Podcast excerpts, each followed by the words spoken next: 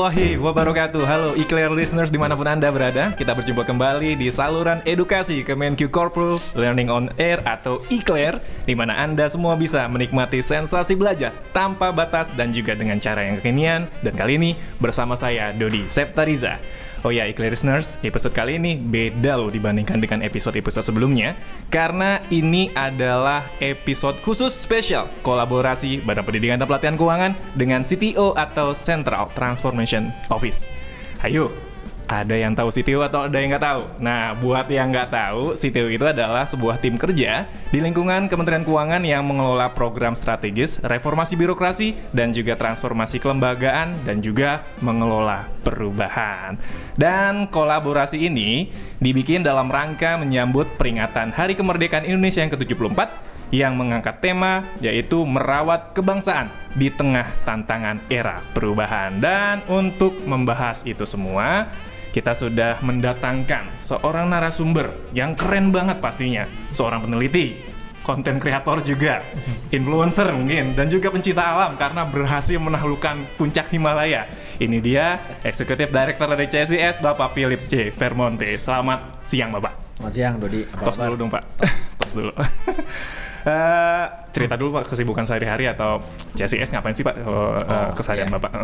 CSIS itu lembaga riset mm -hmm. uh, yang mungkin yang tertua di Indonesia. Mm -hmm. Dia berdiri tahun 71. Jadi waktu CSIS berdiri saya juga belum lahir. uh, jadi nanti 2000 berapa? 2021 kita akan ulang tahun yang ke-50 gitu.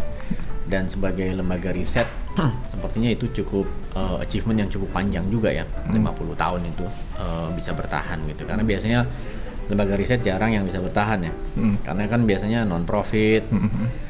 Uh, proyek thank you ya kan dan proyek kasih thank you tapi yang jelas kita melakukan riset sudah lama berbagai topik di TISS ada tiga departemen hmm. Departemen Ekonomi, hmm. riset-riset ekonomi, hmm. perdagangan internasional, ekonomi internasional, ekonomi domestik, industri, uh, labor issues macam-macam. Jadi, tapi kalau isu kebangsaan sendiri diangkat dong sama CSS? Uh, itu mungkin gini, CSS sendiri sebagai lembaga uh, posisinya kan dalam hal uh, keindonesiaan uh, cukup jelas ya bahwa kita ikut konstitusi bahwa negara ini uh, negara yang tidak berdasarkan uh, golongan tertentu gitu dan itu uh, sudah di level konstitusi sudah selesai tahun hmm. 1945. Disimpan dulu Pak itu Siap. nanti materi topik kita nanti topik berikutnya. nanti kita akan bahas lebih lanjut soal hmm. uh, materi tersebut dan juga Eclairs listener Pak Philips ini juga punya podcast loh. Namanya apa Pak podcastnya? Graying Hipster. Kenapa tuh Pak namanya Graying Hipster Pak? Ada. Jadi dulu tuh saya sebetulnya punya website hmm? uh, yang membahas musik, hmm. ya kan? Musik, film, buku, mm-hmm. lalu uh, social issues. Iya. Jadi kayak uh, tapi dia sifatnya adalah kayak platform dulu yang nulis tuh anak-anak muda banyak. Mm-hmm. Jadi bukan saya sendiri. Mm-hmm. Jadi ba- banyak kontributornya. Uh, mereka waktu itu saya waktu itu kebetulan uh, sedang kuliah di Amerika. Cuma ini jangan ditiru karena berarti seolah-olah lagi kuliah waktunya kosong. Jadi karena stres bukan stres maksudnya ya eh, sebagai hiburan daripada pusing bikin disertasi segala uh-huh. macam kita bikin website itu yang awal mulanya adalah dari cerita-cerita tentang uh, saya dan seorang teman namanya Taufik Rahman. Sekarang dia uh, managing uh, apa wakil Pemret Jakarta Post. Hmm. kita kuliah bareng. Kita hobinya sama yaitu uh, berburu piringan hitam. Hmm. jadi pertama yang kita bikin tuh blog cerita hmm. tentang perburuan piringan hitam. Kita beli piringan hitam di mana di toko mana tentang apa itu album dan lain-lain. Kalau sekarang blog M Square banyak tuh piringan hitam? Blog M Square banyak dulu belum ada. Itu kan sekitar kita bikin tahun 2008 ya. Ah, iya. nah ternyata loh kok banyak yang baca ah, gitu iya, iya, iya. Uh, akhirnya ya udah nih bagus juga kalau kita bikin jadi sebuah website yang isinya pop culture hmm, jadi pop review culture. album hmm. ya kan review buku hmm. novel hmm. Uh, review film hmm dan kita waktu itu mencari kan nggak mungkin kita yang nulis mm-hmm. karena kita bukan ahlinya juga mm-hmm. gitu akhirnya waktu itu zaman orang ngeblok tahun 2008 2009 mm. tuh zaman ngeblok rame banget jadi kita kayak blog walking gitu mm. Cari penulis-penulis dan kebetulan banyak mahasiswa. Ada mahasiswa UGM waktu itu mahasiswa di Jember di Malang di Jakarta. Kita approach satu-satu. Mau nggak nih kita punya website ini ikut nulis? Ternyata mereka mau gitu anak-anak mahasiswa ini. Sehingga cukup lama juga ini website. Namanya, namanya Jakarta Beat. Sekarang udah nggak ada. Nah, karena udah nggak ada waktu juga. Tapi mereka yang dulu nulis di situ sekarang udah pada jadi wartawan. Oke. ada wartawan dengan media-media baru nih. Wartawan Tirto eh, aktif di mojok.co juga. Eh, udah pada jadi selebriti Twitter juga gitu loh. Dan mereka masih bekerja di bidang itu. Masih nulis tentang musik bikin buku tentang musik eh, memproduksi tulisan-tulisan yang sifatnya pop culture Oke. dan eh, membuat narasi tentang eh, masyarakat gitu Dan kalau saya lihat ternyata ada banyak narsum di situ ada Bima Arya ya di situ ada Di podcastnya, iya, di iya. podcastnya ada Bang Donald dari cewek, Cewek, iya. ngomongnya seru Iya. banget jadi Iya. kalau listeners juga bisa nambah uh, satu podcast baru nih yang menarik untuk didengar betul pak ya Betul. Graying hipsters itu artinya hipster kan ubanan. Gara-gara si Taufik yang di Jakarta Post ini Ah. Sekali waktu nulis sesuatu tentang musik lalu dia menyebut saya gitu dan Ah. ya apa dia yang pertama kali bilang nih Philip Vermonte the graying hipster. Kita diketawain orang waktu itu. Tapi ya, it's apa itu nama yang lucu sih menurut saya. Oke Pak, kita ngomong kebangsaan, tapi sebelum kita ngomong kebangsaan, eh, saya mau nanya dulu ke Bapak nih Pak. Ya. Kita sekarang lagi ada di ruang CTO. Ini Iya. keren nggak nih Pak ruangannya nih Pak menurut Iya, Bapak? iya, saya kira eh, makanya ini saya salah kostum kan, saya pakai batik. Eh, apa rupanya hari ini kan teman-teman ada kebiasaan kalau Kamis eh, Bebas. lebih bebas gitu ya. Mm. Dan tadi saya masuk, ini kan sebetulnya model kantor kayak begini dulu banyak dimulai oleh perusahaan-perusahaan teknologi ya, kayak Betul. Google kira-kira gitu. Startup-startup gitu Pak. ya? Uh, dan menurut saya uh, bahwa ini dipakai di kementerian itu baik karena uh, model seperti ini kan membu- membuka ruang lebih transparan ya. Hmm.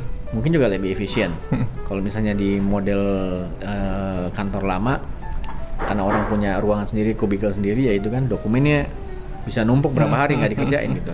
Betul betul. Mungkin termasuk saya, tapi kalau kayak gini kan karena co-working space Co-working space. dia nggak boleh ada pekerjaan yang disisakan gitu. Jadi dia Betul. harus harus selesai dalam sehari misalnya. Baik saya. Jadi ikhlas listeners ya, eh, karena ini kolaborasi antara BPPK dan juga CTO, kita sedang tapping di Gedung Juanda 1 lantai 6 di ruangannya CTO, di mana kalau dilihat ruangannya itu keren banget. Ini kerennya pakai banget karena kalau menurut info yang saya dapat ternyata ruang kerja CTO ini sudah nerapin yang namanya Activity Based Workplace atau ABW.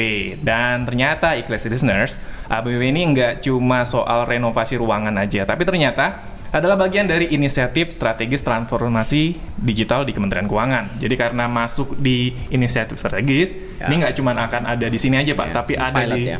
di betul ini pilot dan akan ada di seluruh unit eselon 1. Nah, karena tata ruang seperti ABW ini diharapkan dapat merengineer budaya kolaborasi, terus juga meruntuhkan silo-silo, lalu juga memperkuat engagement, mendorong otomasi perkantoran sehingga lebih nantinya bisa lebih produktif. Namun juga tetap nyaman dengan mempertimbangkan work life balance dan ini adalah salah satu bagian kecil dari penerjemahan dalam menciptakan new thinking of working di Kementerian Keuangan. Penasaran dong kayak apa ruangannya? Maka podcast kali ini juga spesial karena Iklan listeners juga bisa ngeliat kegiatan kita, wawancara kita dengan Pak Philips, lalu juga bagaimana ruangannya, keren ruangannya, dan juga kerennya pegawai-pegawai CTO ada di situ. Halo, pegawai CTO. Halo.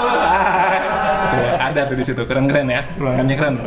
Dan dengan menonton rekaman video podcast ini di Kemenq Learning Center dan juga channel YouTube BPPK Kemenq. Asik kan? Ah.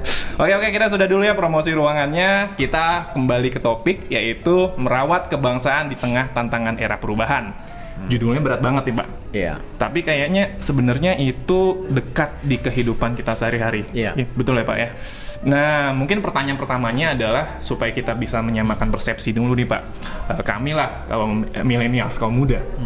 Sebenarnya kebangsaan apa sih yang eh, harusnya kita eh, punya ataupun orang sering ngomongnya adalah wawasan kebangsaan. Wawasan kebangsaan apa yang seharusnya kita punya yang harusnya ataupun yang memang itu sudah disepakati oleh pendiri-pendiri bangsa kita eh, terdahulu Iya. gitu Pak. Mungkin bisa Bapak jelaskan. Iya.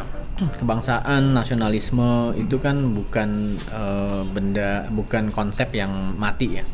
Artinya dia akan berubah terus sesuai zaman. Dan hari ini seperti tadi Dodi sampaikan, itu mungkin eranya kolaborasi eh, dan lain-lain gitu. Dulu sebetulnya orang juga berkolaborasi. Kalau dalam konteks Indonesia kan yang namanya kemerdekaan itu nggak mungkin tercapai kalau nggak ada kolaborasi antara semua orang yang waktu itu terlibat dalam uh, perjuangan kemerdekaan itu gitu. Cuma hari ini mungkin kolaborasinya konteksnya lain. Dulu konteksnya adalah uh, bagaimana mencapai Indonesia merdeka. Betul. Sekarang berarti kolaborasinya bagaimana mencapai Indonesia yang lebih sejahtera kan gitu. Dan itu terjadi di lingkup internasional yang berubah juga gitu. Kalau waktu itu apa namanya eh, yang dihadapi adalah kolonial gitu ya dan seterusnya. Hari ini mungkin eh, yang dihadapi adalah kompetisi. Kompetisi yang mungkin basisnya adalah eh, apa eh, keahlian eh, yang tadi saya sampaikan juga waktu diskusi di awal eh, tentang achievement, eh, siapa yang paling inovatif, dan itu yang menimbulkan rasa tentang eh, berhasilnya kita sebagai sebuah bangsa gitu. Performance kita baik, kita makin kompetitif, eh, kita makin sejahtera. Jadi konteksnya agak beda dengan yang dulu. Nah ini yang menurut saya harus di eh, direjuvenasi gitu ya, dan eh, mendorong agar kita itu eh, tumbuh rasa kebangsaan kita karena achievement-achievement kita yang kita capai. Walaupun PR kita yang tradisional tetap ada. Karena eh, Indonesia ini memang bangsa yang plural.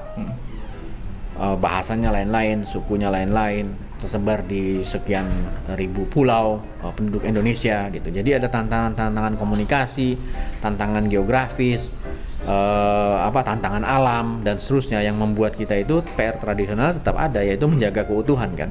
Tapi pada saat yang sama menjaga keutuhan itu dibutuhkan untuk internal. Pada saat yang sama kita sedang dalam masa era di mana semua bangsa itu berkompetisi gitu untuk mencapai kesejahteraan. Jadi mungkin justru soalnya jauh lebih rumit sekarang dibandingkan dengan eh, ketika dulu eh, konsepsi nasionalisme keindonesiaan itu muncul. Jadi eh, kalau boleh dibilang wawasan kebangsaan itu tidak hanya sebatas eh, sebuah ideologi, pandangan hidup. Hmm. Kalau kita bicara dulu kan adalah dasar negara adalah Pancasila dan Iya, iya. Undang-Undang Dasar 1945. Apakah wawasan kebangsaan itu saat apakah dulu hanya itu saja atau Iya. sekarang yang sudah eh, yang tadi Bapak Iya, bilang iya. sudah melebar, eh, sudah jauh lebih dari itu? Iya, karena tantangannya berubah. Hmm, gitu. Tantangannya berubah dan juga eh, tantangan dari luar itu eh, tidak harus membuat kita menjadi kadang-kadang orang tumbuh nasionalismenya karena ada eh, musuh bersama misalnya. Hmm. Jadi dulu melawan penjajah kolonial misalnya. Tuh. Lalu kalau sekarang ada juga orang yang mau membangkit-bangkitkan ada musuh bersama kita, entah entah apalah misalnya ah, jadi muncul semangat misalnya anti asing dan lain-lain itu dalam eh, rangka sebagian orang berpendapat bahwa eh, dengan adanya pemisahan us and them kita sama mereka asing sama Indonesia eh, dan lain-lain itu seolah-olah itu bisa menundukkan nasionalisme. Hmm. Padahal menurut saya eh, bukan itu esensinya. Jadi mungkin dengan berkolaborasi dengan asing misalnya kita bisa eh, juga tumbuh misalnya achievement atau pencapaian, transfer of technology dan seterusnya gitu. Tapi kalau sikap anti asing yang dipelihara mungkin yang itu justru nggak terjadi gitu. Sehingga eh, hari ini menurut saya memang harus eh, kita meredefinisi uh, pemahaman kita tentang uh, nasionalisme. Tapi jangan sampai juga uh, nasionalisme yang berlebihan itu mungkin akan uh, merugikan juga gitu. Dan kalau saya berpendapat uh, yang harus kita frame itu bukan nasionalisme untuk nasionalisme bahwa kita ini menguatkan identitas. Karena menurut saya ujungnya adalah bagaimana mencapai kesejahteraan. Kan gitu kan. Mencapai kesejahteraan tanpa kehilangan misalnya kalau memang kita ingin tetap punya akar eh, karena se- secara natural semua orang ingin tetap punya akar, punya identitas. Tapi itu tidak menghalangi kita untuk mencapai eh, kesejahteraan gitu. Kalau pernyataan Bapak tadi, Hmm. sebenarnya identitas Indonesia itu apa sih? Yang ini Indonesia. Keindonesiaannya Anda seperti ini. Nah, itu apa? Iya, Indonesia itu menurut saya Indonesia adalah kesadaran akan eh, kebangsaan yang plural. Karena secara eh, secara orisinil wilayah kita yang terbuka dan kepulauan ini dan sudah banyak kajiannya itu memang tempat persilangan budaya gitu. Orang datang dari mana-mana karena jalur laut gitu zaman dulunya. Jadi ada orang yang mungkin lagi dari Samudra Hindia menuju eh, sana Laut Cina Selatan ke Cina tentu mampir ya, lewat Selat Malaka lalu dia mungkin mam- mampir ke pelabuhan Jayakarta atau di di Palembang dan seterusnya. Sebaliknya dari arah Cina dan dan lain-lain juga mungkin dia lagi menuju Samudra Hindia, dia lewat Indonesia dan lain-lain. Sehingga ini adalah hasil dari breeding berbagai macam kultur. Jadi interaksi kita dengan beragam kultur itu sudah terjadi sejak dulu. Nah, kalau kita dan pada dasarnya berarti orang Indonesia itu adalah orang yang terbuka terhadap perbedaan karena dia harusnya udah terbiasa gitu kan. Dan itu kan bisa kelihatan dalam uh, kultur kita sendiri, kultur beragam ya. Ada ada banyak contoh lah, misalnya orang-orang tari Betawi itu kan mirip-mirip sama ada banyak uh, tari-tarian yang dari Portugis atau dari uh, dari Cina daratan misalnya gitu. Mm -hmm. Atau mungkin di sebagian wilayah Aceh atau Sumatera itu yang uh, flavor Indianya kuat gitu kan lalu uh, macam-macam yang kita bisa contohkan dan buktikan. Berarti nature-nya Indonesia itu adalah plural dan menerima perbedaan tersebut. Perbedaan, ya. Menurut saya dari uh, eh, DNA kita itu DNA begitu gitu. Hmm. Hmm. Itu DNA-nya uh, eh, tentang wawasan kebangsaan Indonesia. Kita akan bicara lagi tantangan yang akan dihadapi Indonesia ataupun juga sedang dihadapi Indonesia di segmen berikutnya. Tapi kita break dulu tetap di E-Killers.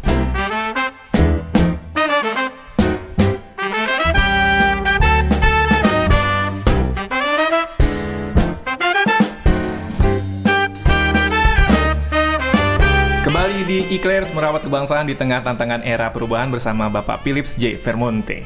Bapak tadi sudah bilang nature Indonesia adalah plural dan menerima kepluralannya atau per perbedaannya.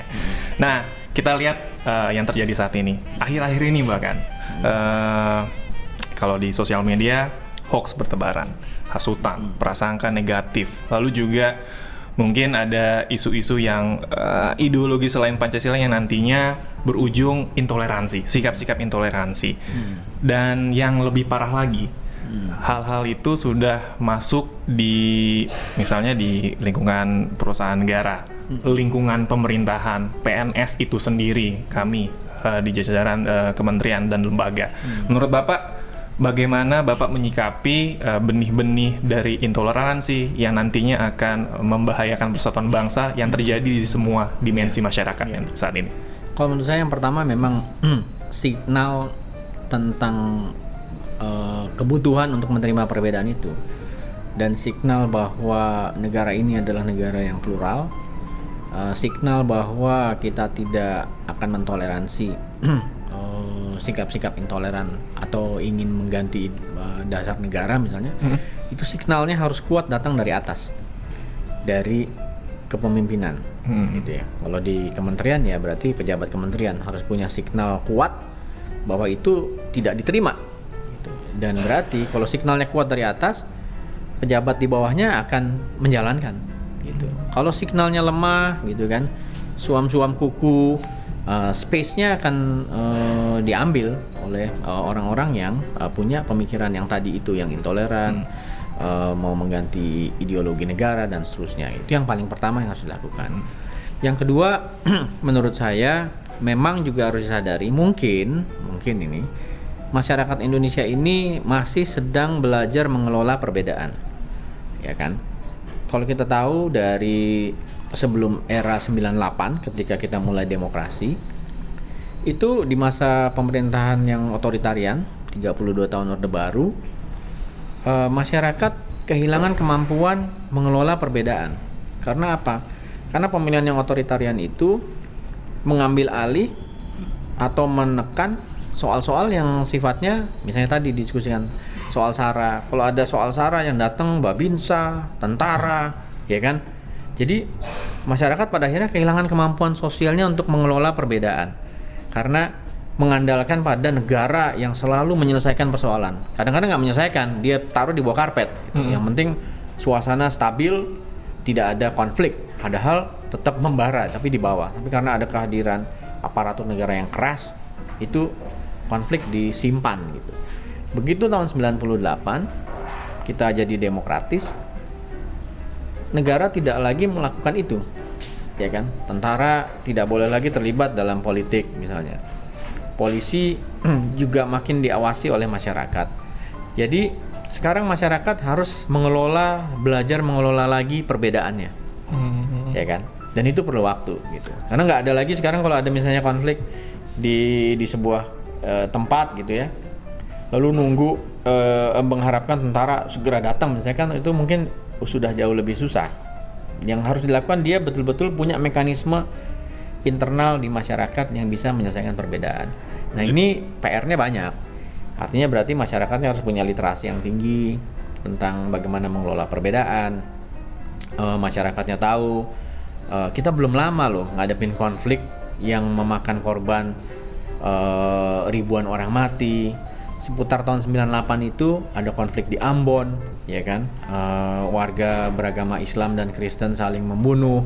Itu ribuan jiwa yang mati belum lama itu baru 20 tahunan yang lalu. Sebelumnya ada di di Kalimantan uh, berbasis etnik uh, saudara-saudara kita yang beretnik uh, Dayak dan Madura saling uh, bunuh membunuh dan seterusnya. Itu kan belum lama. Waktu itu ceritanya menyedihkan gitu. Tapi 20 tahun kemudian ada lagi eh, orang-orang uh, yang uh, membawa lagi isu-isu soal identitas ini. Dan seolah-olah mereka lupa. Walaupun mulainya itu kayak simple ya kan? Tetapi kalau dia dibiarkan terjadi konflik yang baru 20 tahun lalu kita alamin gitu. Dan ini uh, sisi lain masyarakatnya selain literasi kadang-kadang masyarakat kita ini juga mudah lupa juga. Padahal uh, kalau lihat cerita-cerita di konflik di Maluku itu menurut saya menunjukkan kualitas kita yang jelek, yang buruk sebagai bangsa. Nggak bisa mengelola perbedaan sehingga harus uh, darahnya tumpah gitu. Hmm. Mulai dari anak-anak, mulai ibu, ibu hamil lah, ada orang masih muda mati dan lain-lain setelah konflik. Susah menyembuhkan lukanya itu. Nah, ini pelajaran yang kemarin itu seolah-olah dilupakan gitu. Karena orang uh, apa namanya kemudian mengkedepankan lagi soal-soal identitas. Seolah-olah kayak nggak belajar bahwa secara natural Indonesia ini nggak bisa dikelola secara eksklusif gitu. Karena uh, masyarakatnya memang berbeda dari sananya gitu. Beda-beda agama beda-beda pemahaman beda-beda etnik beda bahasa juga gitu. Jadi kalau uh, dari penyampaian Bapak boleh dibilang adalah ini risiko dari penerapan yang demokrasi yang Reforma, reformasi kan lo bilang tadi sebelum 98 mm -hmm. uh, tidak terjadi karena ada otoritarian tadi. Mm -hmm. Jadi setelah kita reformasi akhirnya belajar uh, mengenal perbedaan. Berarti uh, perbedaan sebelum Orde Baru kan kita mm -hmm. bisa De karena perbedaan kita sudah dari dulunya. Mm -hmm. Tapi sebelum Orde Baru misalnya kalau kita lihat pemilu 55 itu pemilu yang sangat ideologis ya. Ada partai Islam yang konservatif, ada partai Islam yang moderat, ada partai komunis ada partai nasionalis gitu. Uh, tapi waktu itu menurut rekoleksi dari uh, berbagai pihak uh, yang menuliskan itu, tokoh-tokoh elitnya sebagai manusia tetap bersahabat, hmm. gitu kan. Okay. Terlepas dari perbedaan pandangan dia tentang uh, bagaimana kebijakan harus diambil. Nah ini yang yang juga penting bahwa pelajaran dari uh, dulu orang-orang uh, pemimpin-pemimpin kita dulu yang memang sudah mengalami perbedaan juga, tetapi point of view-nya tentang dasar negara sama, ya kan? Walaupun dia berbeda pandangan secara keras, dan mereka tetap bersahabat sebagai sesama tokoh politik gitu. Dan sahabatannya genuine gitu bukan dibuat-buat gitu. Kalau dari yang tadi saya bilang kalau signal dari atas baik dan kuat masyarakat di bawah pada dasarnya karena masyarakat Indonesia ini adalah masyarakat yang uh, apa namanya kita ini mungkin masyarakat yang uh, menempatkan elit uh, tokoh itu sebagai panutan. Kalau di sisi elitnya hubungannya baik masyarakatnya ikut baik juga gitu. Jadi ini dua arah gitu. Dianya harus menciptakan mekanisme sendiri untuk menyelesaikan persoalan antar sesama perbedaan-perbedaan dikelola saat yang sama elit juga harus menjadi uh, uh, drivernya dari uh, bagaimana kita mengelola perbedaan ini. Menurut Bapak, berapa lama nih kita proses belajarnya untuk menjadi hmm. sebuah negara yang dewasa dalam memandang perbedaan? Saya kira hmm, kalau saya berharap pada yang tadi the so-called millennials itu ya, karena uh, generasi milenial ini mungkin generasi sebelumnya eh, shock dalam tanda petik ya. Dengan arus informasi yang sangat deras masuk tiba-tiba akibatnya gamang dan merasa harus berpegang pada sesuatu.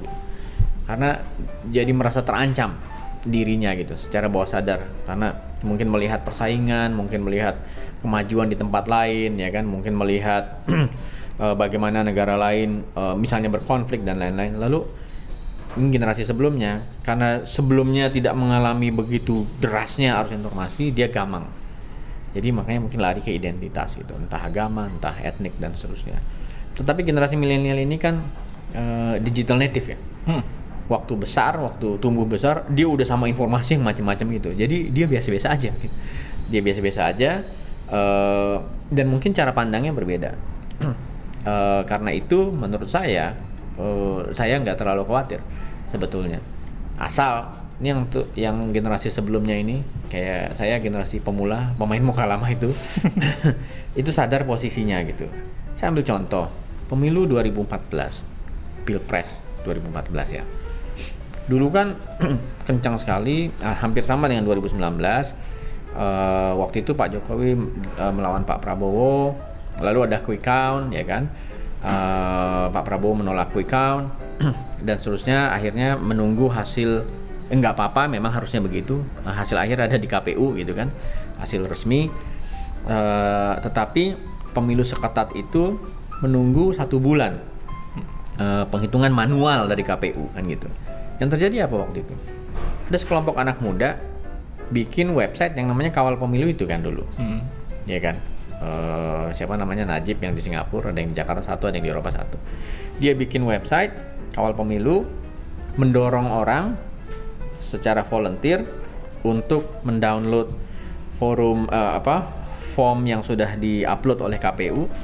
Jadi hitung sendiri, misalnya kalau saya di eh, TPS saya nomor berapa, saya cari aja di situ, saya download, lalu saya ketik berapa hasil yang tertera di situ yang sudah ditandatangan saksi gitu, yang karena itu dokumen resmi. Lalu upload lagi, pakai algoritma, selesai. Jadi ada mekanisme ngecek, jangan-jangan anaknya nipu, yang download yang bisa juga. Tapi dengan teknologi, dia bisa lakukan itu. Dan waktu itu cuma empat hari selesai boom. Penghitungan itu di seluruh dunia baru pertama kalinya crowdsourced election counting. Kan itu sebenarnya crowdsourced jadinya. Karena dokumennya KPU waktu itu udah taruh di website. Jadi orang diminta crowdsource saja daripada nunggu manual KPU eh, sebu- sebulan. Walaupun secara undang-undang memang KPU tapi menurut saya ceritanya adalah waktu itu anak-anak muda bilang begini sama orang-orang tua eh you orang-orang tua punya masalah ngitung eh, berselisih tentang penghitungan suara KPU pada berantem. Ini loh teknologi loh jawabannya. Gitu kira-kira kira-kira sebenarnya dia bilang gitu. Hmm. kita nggak tahu karena crowdsource. Mungkin pendukungnya Pak Jokowi ikutan pendukung eh, pendukungnya Pak Prabowo ikutan menghitung. Tapi teknologi bisa membuat itu jadi netral. Gitu loh. Jadi Ya, ya, ya. Eh, ideologi mungkin tetap ada, tetapi karena ada teknologi, dia bisa menjadi sesuatu yang objektif dan transparan. Kalau ideologi itu kan subjektif. Tapi kalau dia dikelola oleh sesuatu yang objektif dan transparan, yang subjektivitas ini eh, tidak tidak menajam dan menjadi konflik. Itu pelajaran dari pemilu presiden 2014 bahwa dan anak-anak muda gitu. Itu out of the blue aja kita nggak ada yang kebayang. Tiba-tiba kok ada inisiatif. Saya cek-cek, oke juga nih. Saya coba sih ikutan gitu. Orang-orang download formulir C4-nya, upload lagi di website lima hari selesai. Tiba-tiba keluar hasilnya yang sama dengan eh, hasil pada akhirnya manual countingnya KPU gitu. Tadi Bapak bilang millennials itu digital savvy. Dia bisa pergi ke mana saja lewat jarinya, lewat mouse-nya. Bisa dapat informasi eh, mau tentang ideologi, identitas-identitas Iya. yang ada di seluruh dunia. Wah, pengen lihat Amerika, wah liberal, enak, bebas nih, gitu. Dan yang lain sebagainya yang menurut dia fit dengan eh, diri mereka sendiri. Dan secara nggak sadar dia terpapar, terpapar eh, misalnya intoleransi ataupun eh, isu radikalisme dan tapi mereka nggak sadar kalau mereka Iya. terpapar. Bagaimana memaintain ataupun menanggapi Iya. orang-orang yang nggak sadar kalau mereka itu sebenarnya intoleran gitu. Memang harus dimulai dengan pendidikan juga. Jadi yang pertama kan yang harus ditekankan tuh soal literasi ya. Bahwa ya sama dengan kita hidup offline, banyak sampah juga di sekitar kita gitu. Informasi yang sifatnya sampah, di jalan bisa ketemu uh, pencopet gitu ya di jalan bisa ketemu tabrak lari tabrak lari dan seterusnya gitu. Di dunia offline ini ada banyak hal-hal sama berarti harus sadar kan di dunia online juga sama. Ada hal-hal yang mungkin akan uh, merugikan gitu dan merusak itu satu menurut saya digital literasinya harus diperkuat dan itu harus lewat pendidikan memang.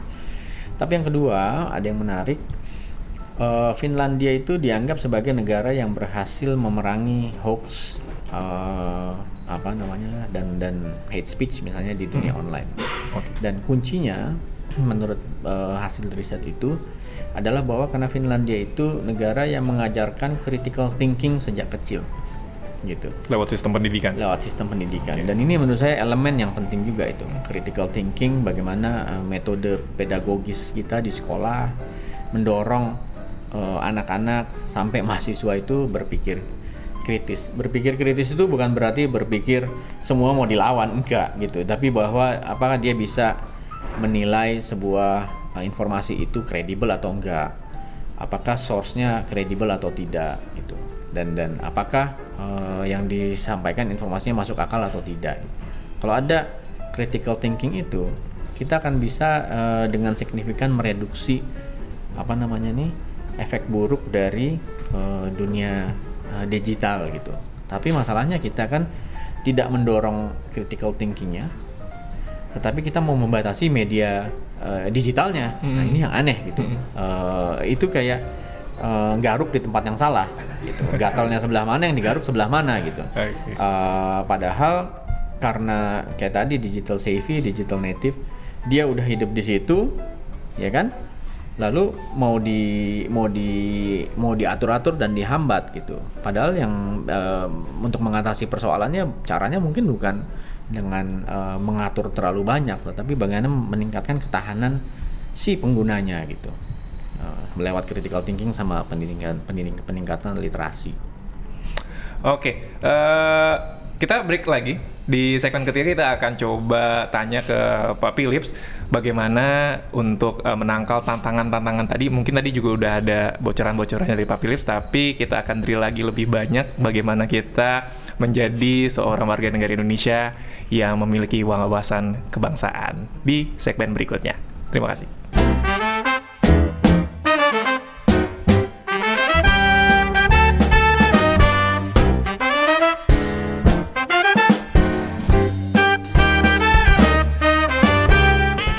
Oke, kembali lagi di Clears merawat kebangsaan di tengah tantangan era perubahan bersama Bapak Philips J. Vermonte. Bapak, tadi kita udah bicara tentang eh, eh, intoleransi, eh, juga sedikit apa eh, radikalisme dan yang lain sebagainya. Nah, mungkin mudah bilang eh, kalau untuk menangkal itu semua adalah kita bisa dengan adanya penguatan wawasan kebangsaan dan juga nasionalisme dari uh, individu-individu warga negara Indonesia. Tapi gimana caranya sih sebenarnya untuk meningkatkan hal itu? Apakah cukup dengan belajar PPKN, KWN dari SD sampai kuliah gitu, Pak? Memang tantangannya agak berat juga ya karena kadang-kadang kita berkompetisi dengan eh, misalnya dengan teknologi. Ketika ada misalnya gini, televisi misalnya. Televisi itu mungkin eh, salah satu medium komunikasi yang tetap paling efektif. Kalau konten televisi itu eh, temanya yang intoleran misalnya, itu dengan dengan mudah dan masif bisa mencapai masyarakat. Sekarang persoalannya makin banyak orang yang nggak nonton televisi, terutama misalnya eh, kelas menengah yang mungkin lebih terdidik secara ekonomi lebih baik gitu. Mas Dodi mungkin udah nggak pernah nonton TV nasional, kan? paling nontonnya Netflix. Jarang sih nonton TV, nonton, ya kan, nonton nonton kabel gitu kan. Oke. Tetapi akibatnya karena masyarakat yang relatif lebih kritis, Mhm. yang lebih berpendidikan ini, eh, yang mungkin lebih toleran, udah nggak nontonin TV nasional, akibatnya demand yang ada di TV nasional itu jadi berbeda gitu, ya kan? Jadi bisa diisi oleh eh, tema-tema yang mungkin tidak eh, tidak cocok untuk eh, kebangsaan kita misalnya, atau mungkin bisa aja eh, karena yang yang orang-orang yang terdidik, yang macam-macam ini eh, tidak lagi eh, menonton TV, kritik terhadap TV juga berkurang gitu. Uh, isi yang sifatnya critical thinking, kalau misalnya Mas Dodi nonton TV gitu ya, misalnya nonton apa, nonton sinetron, karena kadang-kadang itu kan ceritanya nggak masuk akal banget sih kan gitu kan. Uh, akibatnya si penulis-penulis naskah karena mendengarkan kritik yang gitu-gitu dia mungkin akan mengubah. Tapi karena nggak ada yang kritis lagi terhadap TV itu TV-nya bisa dimasukin informasi apa aja ya kan. Nah menurut saya uh, yang harus dilakukan misalnya di sisi terutama yang uh, misalnya lembaga negara juga harus lebih inovatif coba misalnya kayak TVRI kan sekarang lagi mau direformasi juga tuh. Hmm. Berarti itu medium yang efektif sebetulnya TVRI itu. Kalau kontennya critical thinking baik bisa compete sama TV-TV uh, eh, swasta gitu atau kabel atau macam-macam. Sebetulnya uh, medium komunikasi itu bisa bisa apa namanya bisa efektif untuk uh, mengelola kebinekaan kita gitu. Nah, yang kedua yang mungkin juga bisa dilakukan menurut saya dan harus dilakukan tetap karena pendidikan gitu. Kan ini kan tentang bagaimana uh, kita mengelola budaya kita dan mengelola perbedaan gitu. Dan uh, pendidikan itu tempat yang paling baik.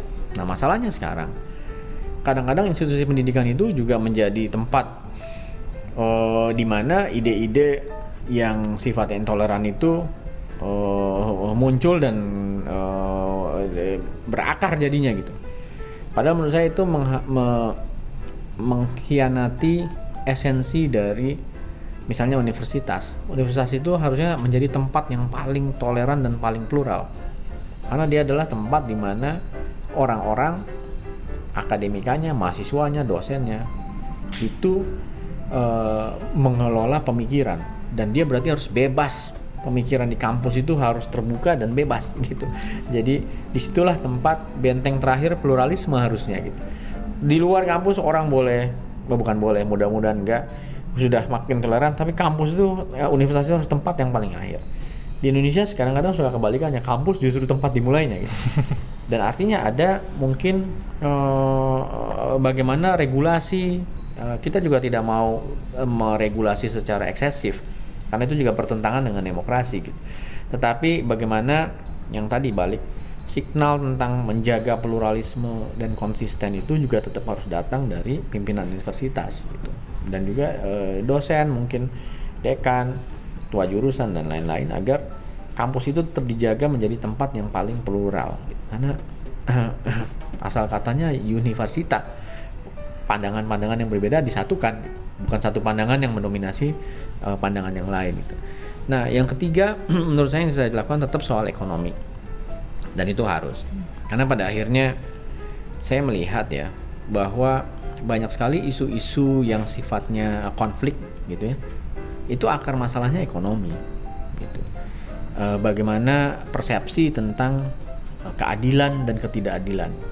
Bagaimana persepsi tentang kesejahteraan kalau memang tidak bisa mencapai ke, ke level keadilan yang eh, level ekonomi yang cukup itu uh, akan selalu ada tantangan.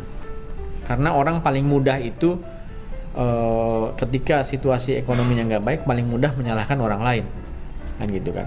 Atau paling mudah kalau melihat ada inequality yang besar gitu. Jadi dia akan bisa scapegoating pihak lain dan itu paling efektif kalau dibungkus dengan isu-isu uh, yang sifatnya membakar emosi gitu ya soal agama dan soal etnik misalnya gitu jadi mungkin uh, ada banyak hal yang bisa dilakukan dari sisi ekonomi.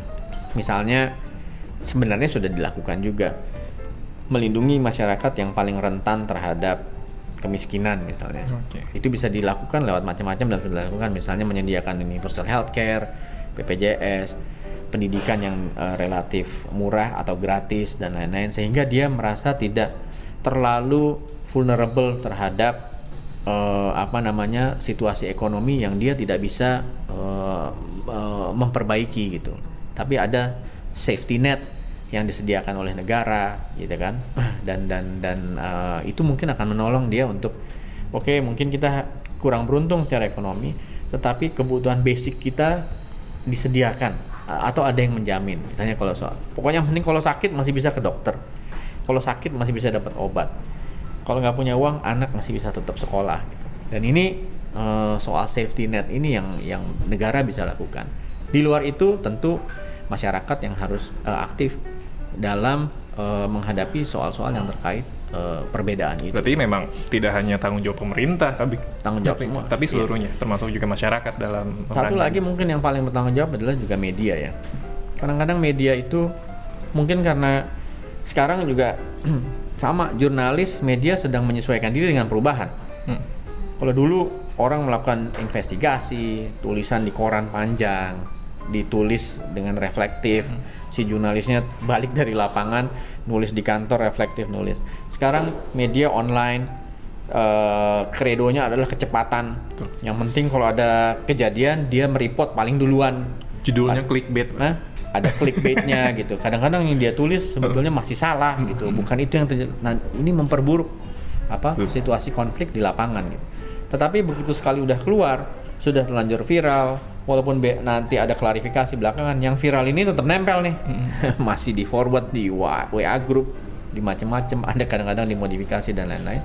Sehingga itu juga jadi tanggung jawab media gitu. Untuk bisa menjadi bagaimana menyeimbangkan tugas dia untuk mereportase saat mereportase berita tugas jurnalistiknya tapi ada saat yang sama eh, menjalankan eh, jurnalisme yang eh, damai gitu loh jadi ketika ada konflik yang ditekankan bagaimana mencari persamaannya bukan bagaimana menekankan perbedaannya. Jadi saya setuju bukan cuma pemerintah masyarakat birokrat eh, swasta eh, masyarakat sipil dan lain-lain itu tanggung jawab semua gitu. Ini PR eh, rame-rame. Baik Pak, ini mengerucut ke PNS Pak, karena kami semua PNS di sini Iya. Kementerian Keuangan. Eh, kami ada di posisi mana menurut Bapak nih harusnya? Di satu sisi sebagai Hmm. alat pemerintah, di satu sisi lagi sebagai makhluk sosial, sebagai warga negara Indonesia. Iya. Bagaimana kami memandang kebangsaan? Apakah harus nur karena digaji pemerintah kita harus nur pemerintah ataupun Iya, yang iya. lainnya? Jadi menurut Bapak sebagai seorang pegawai negeri sipil, apa posisi kita dalam menjaga kerakatan Iya. eh, keutuhan bangsa ini? Menurut saya ada dua hal ya. Ada sosiolog besar itu namanya Max Weber. Dia kan bilang bahwa semua negara modern itu cirinya adalah punya birokrasi yang rasional. Jadi birokrasi yang terbebas dari eh, kepentingan primordial. Karena dia adalah mungkin frontliner dari bagaimana negara menjalankan fungsinya.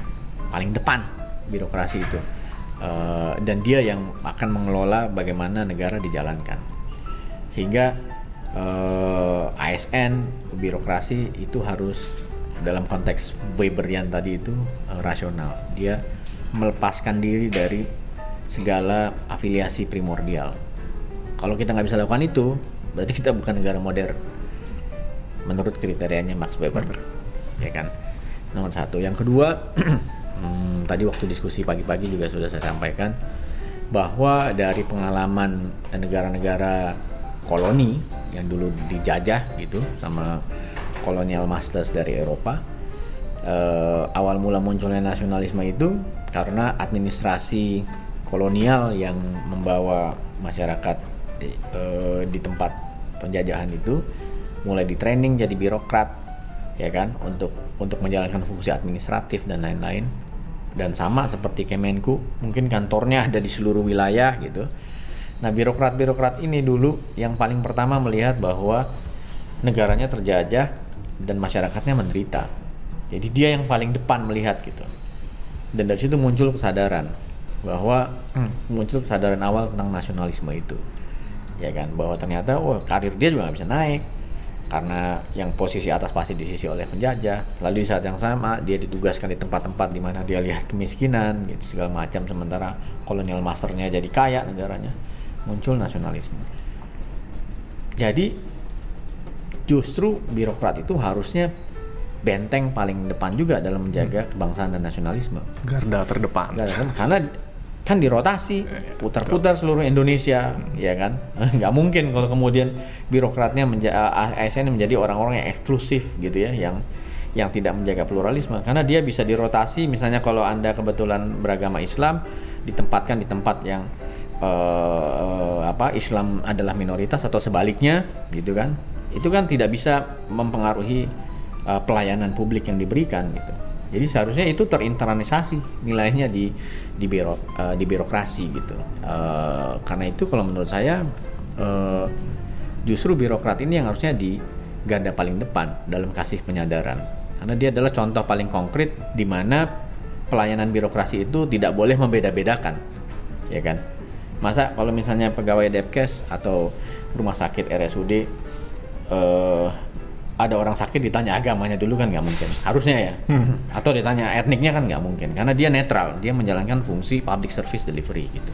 Jadi kalau saya menurut saya ASN itu harusnya ada yang paling depan dalam menjaga kebangsaan Baik Bapak, menarik sekali apa yang kita uh, diskusikan tadi, tapi waktunya sudah habis. Sekali lagi kami ucapkan terima kasih Pak Philips untuk diskusinya kali ini dan juga mudah-mudahan berguna nih buat teman-teman uh, e-class listeners di seluruh Indonesia. Sekali lagi terima kasih Bapak dan itu dia e-class listener baru saja kita saksikan episode kolaborasi CTO dan Badan Pendidikan dan Pelatihan Keuangan dengan tema merawat kebangsaan di tengah tantangan era perubahan. Semoga diskusi tadi benar-benar benar-benar bisa dihayati oleh kita semua khususnya pegawai milenial supaya bisa menjadi penggerak perubahan menuju bangsa Indonesia yang maju, adil dan juga berdaulat. Tetap terus dengarkan Kemenq Corpo Learning on Air di Kemenq Learning Center atau KLC, Spotify, Anchor FM dan juga Google Podcast. Kita masih akan membahas tema kebangsaan tentunya dengan narasumber lainnya yang juga sangat menginspirasi. Namun sebelum itu, saya Rudi Septariza undur diri terlebih dahulu. Sampai jumpa di kesempatan berikutnya.